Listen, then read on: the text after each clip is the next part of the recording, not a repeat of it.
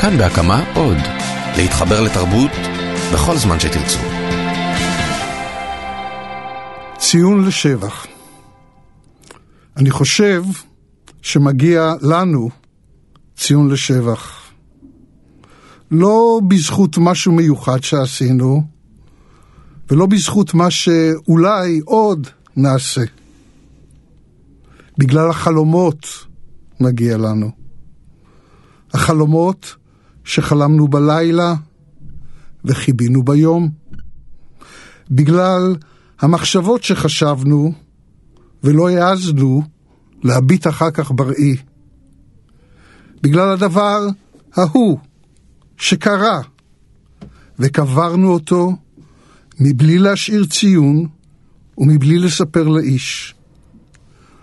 כל אלה שלשלאות ברזל על רגלינו, שעם משקלן אנחנו מצליחים בכל בוקר להרים את הרגליים, ללכת, לפעמים גם לרקוד, בגלל זה.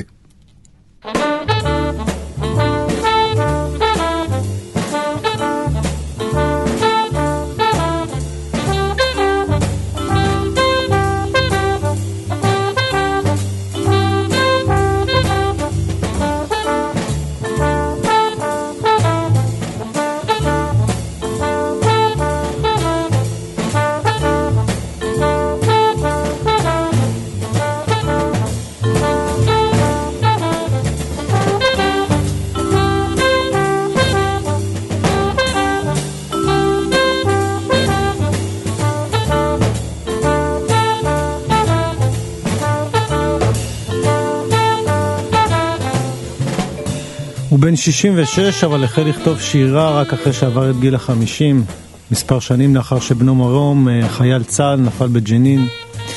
הוא רפתן ומורה, שנים ארוכות לפחות, אבל התלמידים היו חשובים לו יותר מהפרות, או שהוא פחד יותר מהמנהלת, אנחנו נברר את זה בהמשך. הוא כמעט לא יצא מגבולות המושב בו נולד, חי, ילד, אבל שמו כבר הולך לפניו בכל הארץ. ארץ שהוא גם מגן עליה בחירוף נפש, גם על זה אנחנו נדבר. שלום לגיורא פישר, משורר נהדר וחבר קרוב. תודה שלומי, תודה שהזמנתם אותי. מה שלומך? טוב, תודה. תודה. את, את הדרך פה לאולפן בתל אביב, אה, כמו שסיפרת, עשית אה, בתחבורה ציבורית? הכרטיס מאוד זול, אבל האמת היא שאני שונא לנהוג. זו הסיבה השנייה. זאתי הסיבה השנייה. שונא לנהוג, כי אתה שקוע במחשבות. נכון, נכון. ואני לא נהג טוב, זאת האמת. הזכרת לי שגבריאל גרסיה מרק סיפר שהמחשבה על 100 שנים של בדידות, על הספר, הגיע לו תוך כדי נסיעה והוא כל כך... הוא כל כך הופתע מהמחשבה הזאת ומהדמיון שהוא התנגש בפרה או שהוא כמעט עשה איזושהי תאונה והוא היה עם המשפחה. והסיבה השנייה אתה אומר כי כאזרח ותיק, מאיזה גיל זה אזרח ותיק?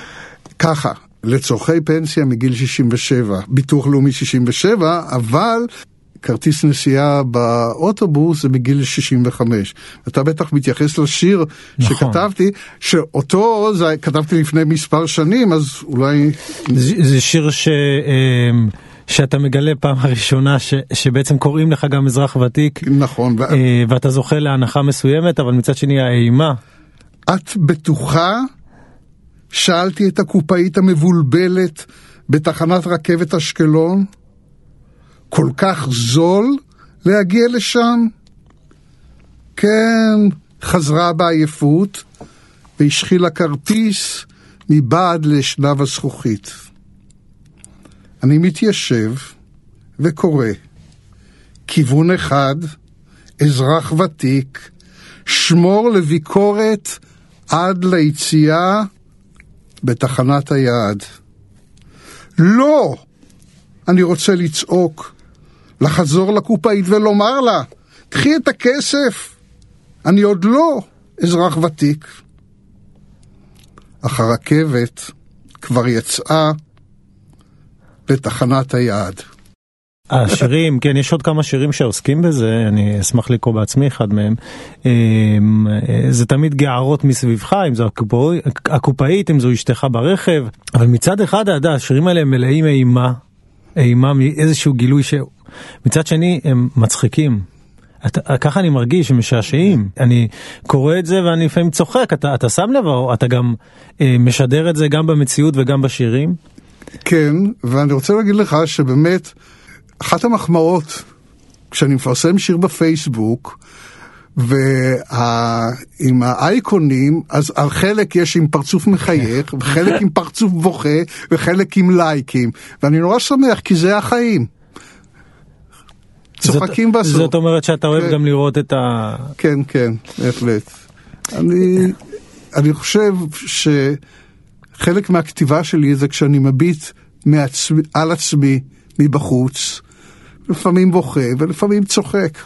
המבט, המבט הזה מבחוץ אה, מפתיע אנשים לפעמים, אה, אני מניח שזה קשור מאוד מאוד בעובדה שבחלק מהשירים אתה מדבר על אה, שכול, חיים ומוות וכמובן על הטרגדיה האישית שפקדה את, אותך ואת אשתך בעצם וזה שמרום נפל, מרום, מרום, מרום כן. נפל בשנת 2002 בקרב על ג'נין, שירים קשים ובכל זאת עולה מהם גם הרבה רוח, התמודדות, אפשר להגיד התרוממות טיפה ואתה מספר בשירים שלפעמים אנשים פוגשים אותך אז מה המפגש הזה של, ש, שאתה חווה הרבה פעמים עם אנשים אה, אומר לך?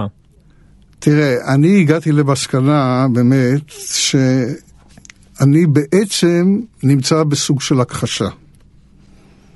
ובעצם באמת זה בא לידי ביטוי בהרבה מהשירים שלי, כלומר, מבחינה אובייקטיבית אני מבין מה שקרה לי, אבל אני מכחיש. מתי אני מקבל את השוק האמיתי? כשאחרים מדברים איתי על זה. כשאני מדבר על זה, אז אני עושה כאילו אני שחקן בהצגה. כשזורקים לי את זה בפרצוף, אז אני נחרד. אני פשוט חי בהכחשה. הידיעה נמצאת, אבל זה מה שעוזר לי לשרוד, אבל אני חושב שזה מה שעוזר גם לרובנו, כל מיני סוגים של דרכים שאנחנו מתמודדים איתם בחיים. בעצם התחלת לכתוב אחרי שלוש שנים, יש איזה קשר ישיר בין ההתפרצות של הכתיבה? תראה, ברור שזה קשור, כי עובדה שלא כתבתי קודם. כן. לא כתבת, אנחנו 50 שנה בעצם. נכון, תראה, לא בתור מעולם. ילד, בתור כן. זה השתעשעתי בצבא, למסיבות סיום כתבתי פזמונים ושירים, אבל לא... לא משהו שהיום הוא בעצם חלק ממך. לא, לא, וזה באמת קרה לי באופן מאוד מאוד מפתיע.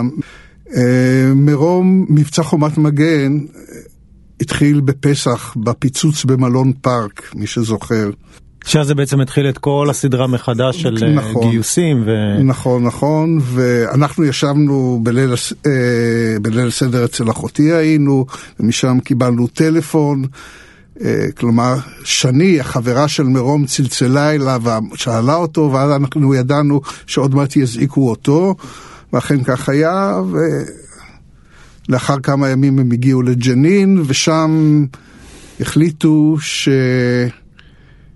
שכדי למנוע הרג של אזרחים חפים מפשע, דרך אגב, בניגוד לסרט המפורסם של מוחמד בכרי, ג'נין ג'נין, מרום נהרג בדיוק בגלל זה שלא החליטו לעשות ככה, אלא ללכת בפינצטה מבית לבית כדי לא לפגוע בחפים מפשע. ו... צלף פגע בו והרג אותו. הסמיכות של האירוע הזה לפסח, שנה לאחר מכן הרגשנו שאנחנו לא יכולים להיות בבית ולעשות את הסדר, והחלטנו לנסוע לאיטליה, שזה המקום האהוב על אשתי, וכבר הזמנו בחב"ד, בפירנצה, אה, לעשות סדר שם, ומשום מה, בלילה אחד, פתאום באמצע הלילה התעוררתי והתחלתי לכתוב שיר בראש. כשחזרנו לארץ, שלחתי אותו לחברה מאוד מאוד קרובה שלי, אגי משעול, שהיא חברה לא בגלל שירים, אלא פשוט עבדנו ביחד. באותו בית ספר. באותו בית ספר שנים רבות, והתגובה הראשונית שלה הייתה, זה שיר. וכשנפגשנו לאחר מספר ימים, היא החזירה לי את השיר עם מחיקות ועם סימנים. כבר התחילו לערוך אותך, כבר בשיר הראשון. נכון. אין מאה ו... ימים של חסד, ישר אתה כבר מקבל. להפך, ואני רוצה להגיד לך שזאת הייתה המחמאה הכי גדולה שאני אה, קיבלתי. יפה מאוד. אה, אולי תקרא את השיר על חסן, אוקיי. הפליט מדארפור, מה דעתך? נכון. אני מביט בחסן, הפליט מדארפור. שדות צרופים אני מחפש בעיניו, את ילדיו שהשאיר בכפר הרעב. אך הוא נראה בסדר. חסן, הפליט מדארפור, לבוש למשעי, לחייו שמנמנות, מחייך כל היום. איזה מין אדם הוא? ואני, הצועל ועולץ עד זרה, המנסה כל הזמן להחביא מעצמי את הכאב שלי, איך לא שמתי לב איזה מין אדם אני.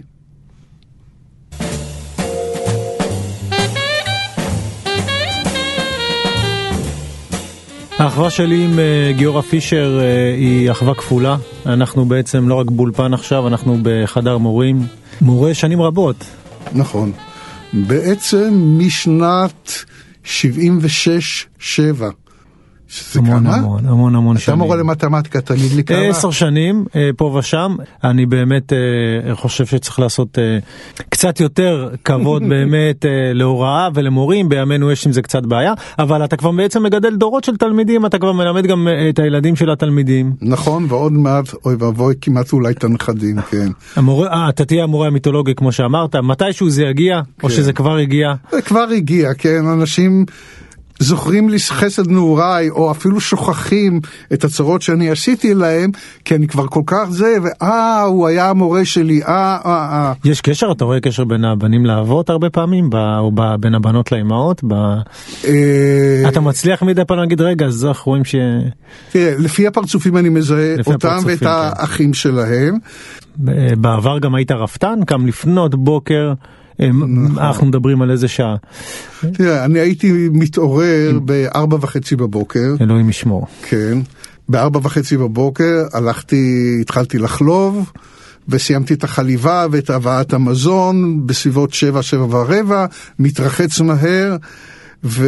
ורץ לבית ספר. ורץ לבית ספר, היו שנים שלא היה לי רכב, אז גם הייתי נוסע עם הטרקטור, וזה גם היה הפך למיתולוגיה, היו כאלה שהמציאו עליי שגם באתי עם מגפיים, אבל נשבע, זה אף פעם לא באתי עם המגפיים. שמועה זדונית?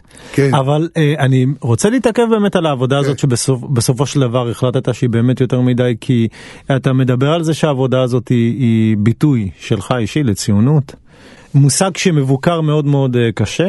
כן. אמ, על עטיפת הספר צעירי חיים מופיעה אישה שזורת שדה ואמרת לי שזה גם בגלל כל השיח. אה, בין השאר הזכרת כן. גם אותי כמי שבעצם מביא לתמונה הזאת. נכון, אה, זאת לא סתם אישה. זו אימא שלי. זו אימא שלך. זו אימא שלי. וואו. זו אימא שלי, ואני חושב שהתמונה היא בסביבות 66, וגם זה ככה אולי יש בו איזו אירוניה של הגורל. יש בספר הזה, בצירי חיים, יש מחזור שירים שקוראים לו תורת אמי. ושם אמי הייתה מאוד מאוד דומיננטית uh, בחיים שלי. הורים ציונים מאוד? הור... תראה, אימא שלי באה ממשפחה ציונית בהונגריה, והיא עלתה מטעמים ציוניים בשנת 1939. אתה מאמין בזה, זה הנקודה, אתה כן. מאמין בזה היום, בכל כן. מאודך. תראה, אני מאמין כי זה הקיום שלנו, ו... אני התוצר של הבן, של, של, ה, של ההורים שלי. תראה, אני, אני אומר את זה כי היום הרבה פעמים המילה ציונות לא עומדים מאחורי המעשים ואצלך נכון. אתה מתעקש, עמדו, עמדו, בגלל נכון. זה אני גם נכון. מתעקש בנושא הזה ספציפית אוקיי. אצלך, אתה תעבוד, נכון. אתה לא תביא פועלים זרים. נכון, נכון. אה, אה, אה, העשייה חייבת להיות באמת, בתמים מאחורי המילה הזאת. זאת אומרת, לא סתם אנשים יגידו ציונות ציונות ופתאום אנחנו רואים בו קפיטליזם וחוסר אכפתיות כלפי המדינה וכלפי האדמה. נכון, אה, נכון. זאת אומרת אומרת שבהרבה מקומות אני רואה את השימוש הזה כמושג ריק, ואצלך אני באמת רואה שאתה מתכוון לזה, ואתה תראה, לפחות... מגבה את זה במעשים גם. גיביתי את זה, זאת אומרת, אני... גיביתי. אה, אה, אה, סלחנו לך, עבדת מספיק ברפת, לפי דעתי. עבדתי מספיק, נכון, בהחלט. וגם אני כאבתי את ה... באמת המילה ציונות שקיבלה מרכאות על ידי כל מיני אנשים מכל מיני כיוונים, כן? ואני ראיתי שבאמת ציונות יכולה באמת להיות בלי נישול, עם עבודה קשה, עם אהבה של המקום ושל הארץ, עם הקרבה, והיה לי חבל איך שהמושג הזה מזדהם, כי בסופו של דבר אני מתחיל להרגיש שגם הבן שלי וגם אנחנו כאילו קצת פריירים על ידי כל מיני אנשים שמצד אחד זורקים על המילה ציונות רפש ומצד אחד גם מנצלים אותה לרעה. אמ- אמרת מושג יפה, אמרת מזדהם. אני מניח שחלק נגיד מהשיח או מהמאבק המזרחי בעצם מאיר צדדים קצת פחות אה, נעימים בציונות. אפילו לא בשם הערבים, אפילו כן. רק בשם ה- היהודים כן. אה, ממזרח, אה, או מי שמכונים היום כן. מזרחים. הם מתארים את הציונות הרבה פעמים במונחים אה, קשים, אה, טראומות אה, לא פשוטות. נכון. אה, ואני לא בא לשנייה לבטל את, ה, אה, את הטראומות. אבל אני, גם לא רוצה שימחקו לגמרי. אני חושב שאחד ההבדלים בין ההורים שלי ובין אלה שהגיעו יותר מאוחר, זה לא מבחינת התנאי חיים, הם עבדו לא פחות קשה ולא ח... לא חיינו באושר ובאושר בכלל לא. נכון הוא שאני זוכר תמיד שההורים שלי ציינו שבגלל שאנחנו גרנו במשק, אז חלב ובשר לא חסר לנו. והיו אורחים באים חברים מהמושב, והיו לוקחים תרנגולת זה. אבל עבודה, עבודה איומה, 365 יום בשנה. קשה, קשה פיזי, ולא עשירים, לא רכב, לא היה להם, ולא כלום. ההבדל היחידי, אני חושב, שהם עשו את זה מתוך הכרה והבנה ואמת פנימית לוהטת, והם... לא הוכרחו לעשות את זה, הם רצו לעשות את זה. אני רוצה שנייה עוד פעם, אני רוצה לחזור ל, לרגע הזה, אה, באמצע הלילה שאתה מתעורר באיטליה, כותב כן. שיר, אה, לא נרדם כל הלילה, שולח את זה לידידתך, חברתך, אה, אגי משול, היא מחזירה את זה עם... עם תיקונים, מתי אתה מבין, מתי אתה מרגיש שהנה אתה בעצם הולך ונעשה משורר? זה היה תהליך קשה? החלטתי, אני זוכר לעצמי, אחרי שקראתי שיר אחד או שניים והראיתי לחברים שלי בחדר המורים, חדר מורים נהדר, ראיתי את התגובות ואנשים התרשמו מזה, ולי הייתה... באמת הרגשה, אני אמרתי, הדרך שלי, אני לא אוהב את הביטוי להנציח, הוא ביטוי שחוק. אמרתי לעצמי, סליחה שזה יישמע כיוהרה, אני אכתוב שירים כל כך יפים שכולם יבינו איזה ילד נהדר היה מרום. וזו הייתה המוטיבציה שלי. שלחתי את השירים במייל לחברים שלי ולא התביישתי לקבל מהם הערות וככה... ככה הלכת והתגלגלת. ככה הלכתי והתגלגלתי ואני זוכר שהייתי מביא את השירים לחדר המורים, לקבוצה ומראה, והיו אומרים, וזה היו מורים שלימדו את מרום, היינו מסתכלים על השירים, היו אומרים, איזה יופי, כוס אוכטו. שהיה צריך, כן, והכוס אוכטו זה היה, למה היית צריך לגלה, לגלות את הכישרון הזה בעקבות הדבר הטרגי הזה? אתה יודע מה אתה מזכיר לי? ראיינתי שבוע שעבר את אה, נבית בראל. והיא מספרת אה, ואומרת, אם אחי לא נהרג בקרב, כן. אני לא הייתי נולדת. כן. כי ההורים שלה בעצם הביאו אותה, כשהם היו מאוד מבוגרים, כן. אמ, ואז בעצם אתה אומר, נולד הספר הראשון שלך אחרי זה, כן. אה, ואחר כך הספר אה, צירי חיים. אתה עומד בפתחו של הספר השלישי. נכון. אמ, ובכל זאת נקודה קטנה, בכל זאת, אני לא יודע אם להגיד משורר השכול, כן? השירים כן. שלך כמובן לא עוסקים רק בזה, אבל אני לא חושב שהם קיבלו ביטוי כל כך משמעותי, נגיד בדמות של משורר ספציפי, כמו שהם מקבלים אצלך, אני חושב. יש גם כמה שירים שממש הדהדו. ואיך אתה, אתה מרגיש עם זה? אתה מרגיש איזשהו מסע? אתה רוצה לברוח מזה קצת?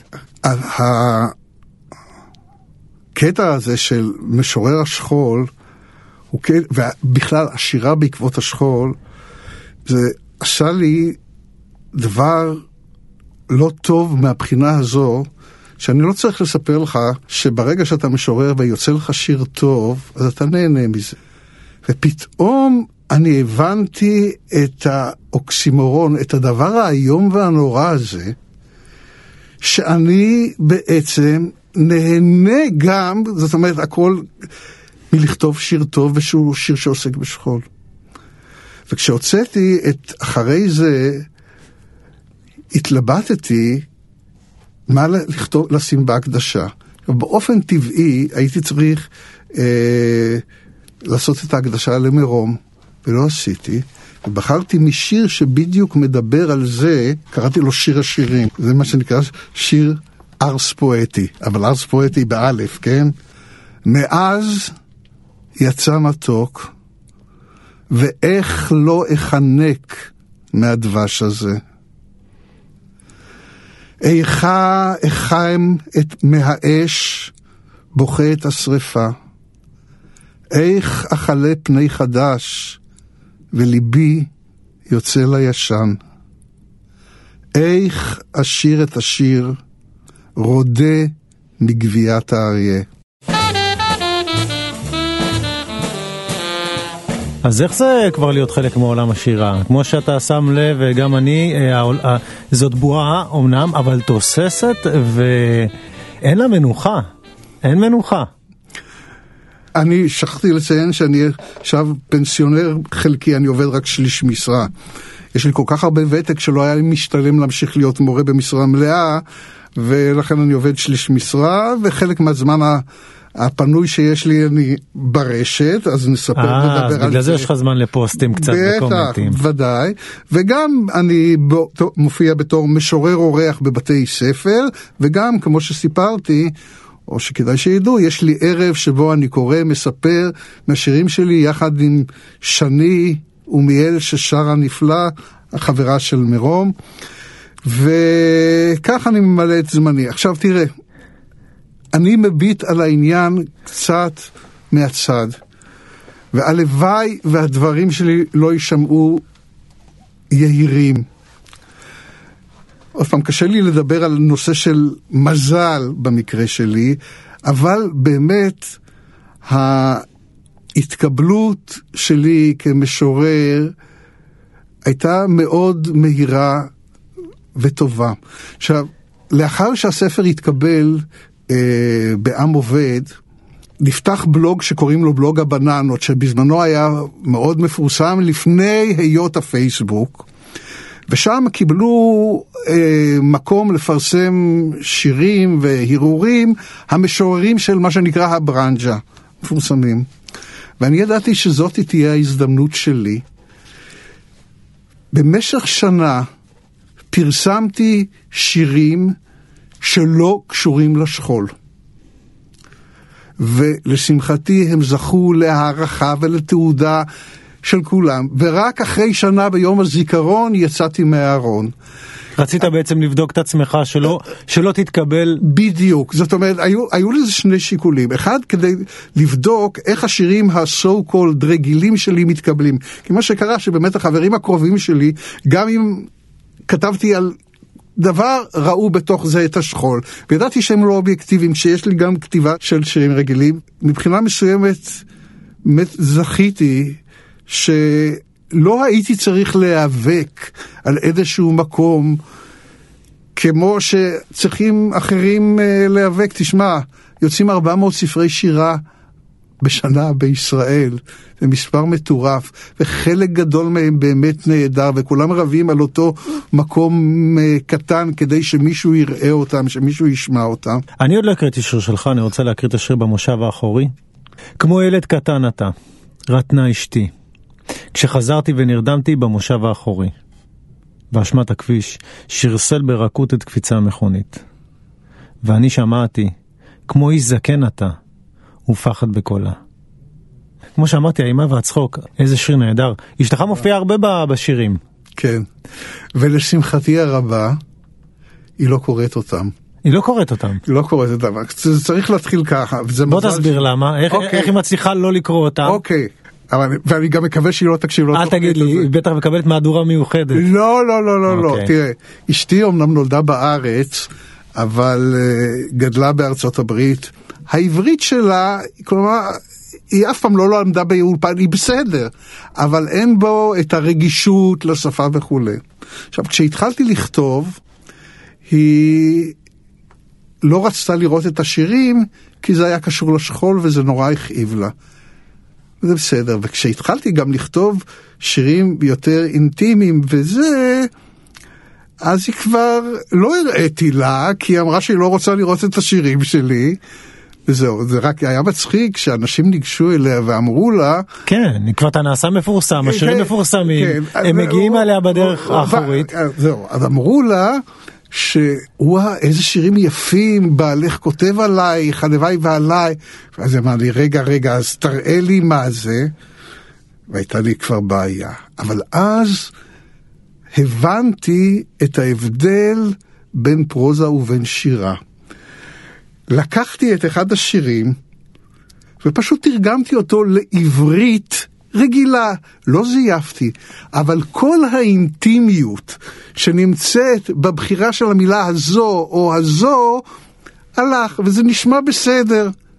ומאז היא לא ביקשה, ואני לא מראה, ואתה לא תספר על השירים האחרים, בסדר? אני חושב שזה היה רגע נפלא עכשיו. אמ, לפני הסיום, אה, אמ, אני רוצה לספר, אתה, אתה עובד על אה, ספר אה, שלישי, שייצא, כן. אני אנחנו מקווים בזמן הקרוב. כן. למרות שקשה לדעת מדי בדיוק, קוראים לו... עוד שיעור במתמטיקה. מה אתה אומר? את זה אני חייב לקרוא. אני אבדוק שם טעויות גם, אתה יודע.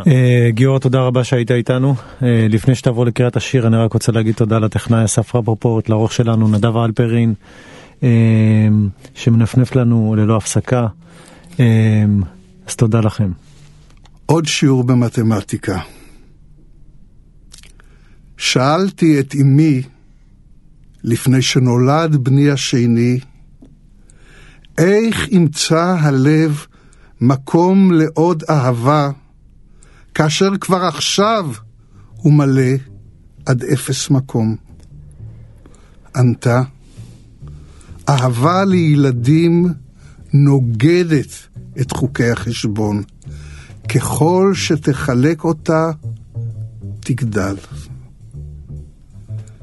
מאז אמי איננה, וגם בני השני אינו, ולמדתי שאין הוא המספר היחידי המצליח למלא את הלב עד אפס מקום.